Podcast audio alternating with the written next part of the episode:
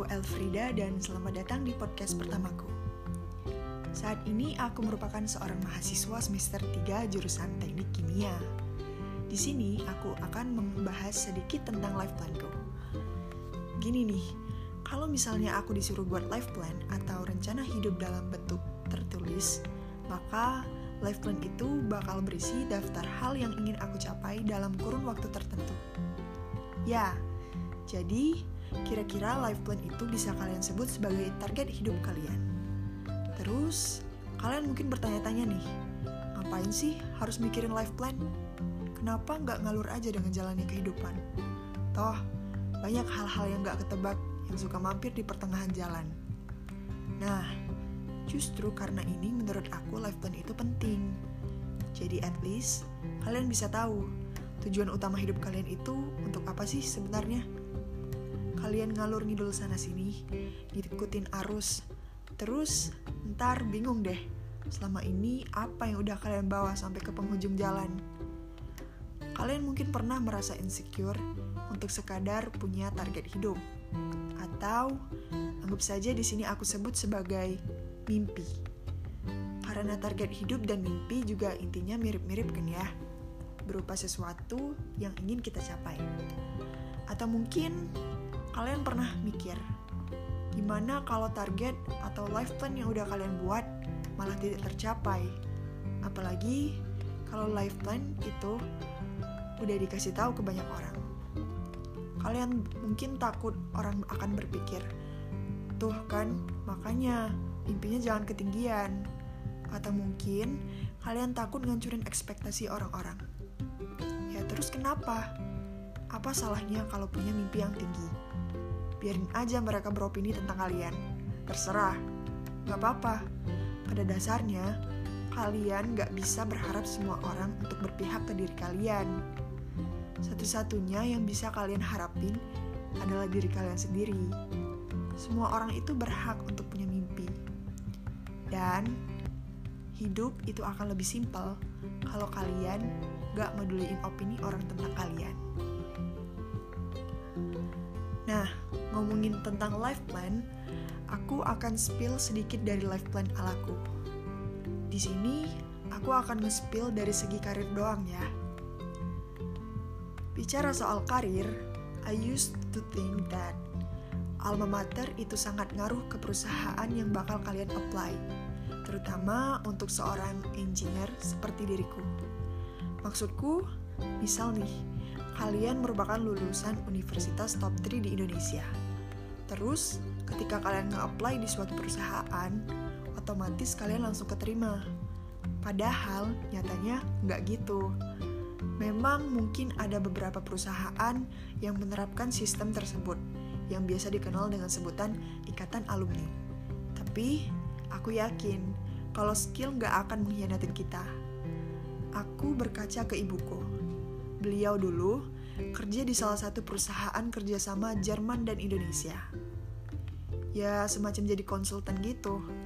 Dan karena skillnya, teman kantornya sampai pada ngira bahwa kalau beliau adalah lulusan universitas top 3 di Indonesia. Padahal enggak. Nah, karena itu, targetku saat lulus strata 1 nanti, aku harus udah bisa menguasai berbagai macam soft skill yang gak bisa aku dapatkan dari sekedar teori doang. Salah satunya, lancar dan berani untuk speak up di depan umum.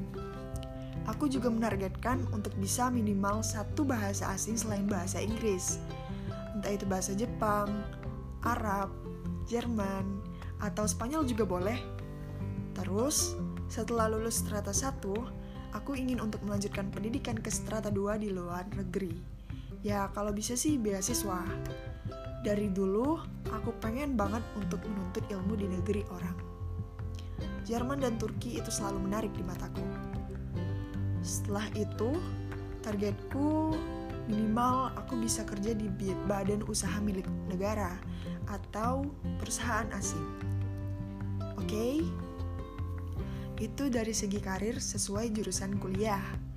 Nah, sekarang aku mau ngebahas targetku sesuai hobi dan passionku.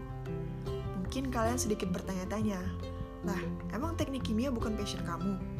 Terus kalau bukan, kenapa masuknya ke teknik kimia? aku ceritain sedikit nih pengalamanku dulu.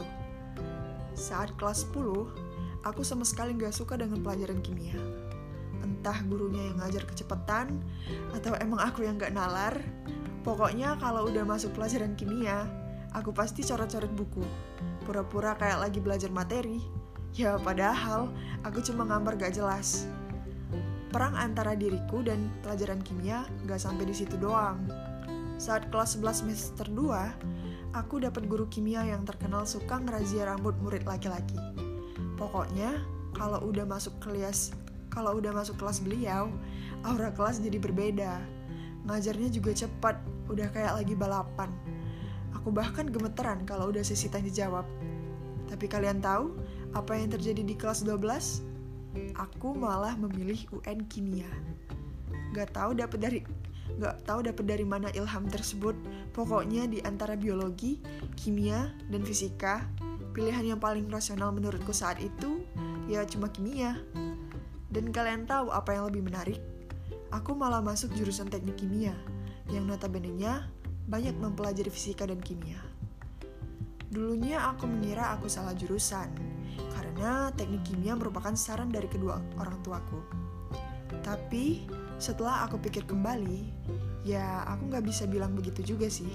Karena semua jurusan akan selalu terlihat salah di mata kita kalau kitanya sendiri nggak mau berdamai dengan jurusan tersebut. Kita yang nggak berusaha, ya terasa susah lah.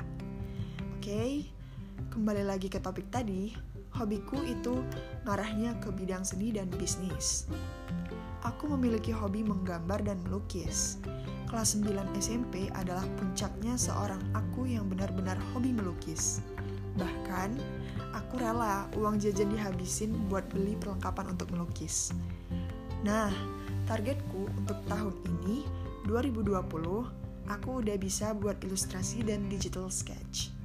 Aku menargetkan untuk bisa mahir buat video, entah itu stop motion, animation, atau semacamnya sehingga nantinya aku berharap bisa menyalurkan hobi dan skill tersebut untuk sesuatu yang lebih bermanfaat, entah nantinya ikut lomba poster atau apa pun itu. Terus kan tadi aku bilang bisnis ya. FYI, bulan Juli 2020 yang lalu, aku mulai berbisnis kecil-kecilan, bisnis cookies. Ya, alasan awalnya sih karena aku udah gabut banget di rumah soalnya lagi pandemi corona dan belum juga mulai kuliah. Turns out, ternyata berbisnis itu seru juga loh. Dari sini, aku berencana untuk meneruskan bisnis sambilan ini. Ya walaupun sekarang lagi dipending karena sibuk kuliah. Aku juga menargetkan saat lulus strata satu nanti, bisnisku bukan hanya sekedar bisnis cookies, melainkan sesuatu yang lebih besar daripada itu. Alias, aku mau punya bisnis sampingan di sektor lainnya. Oke, okay? itu hanya sebagian kecil dari life plan yang aku punya saat ini.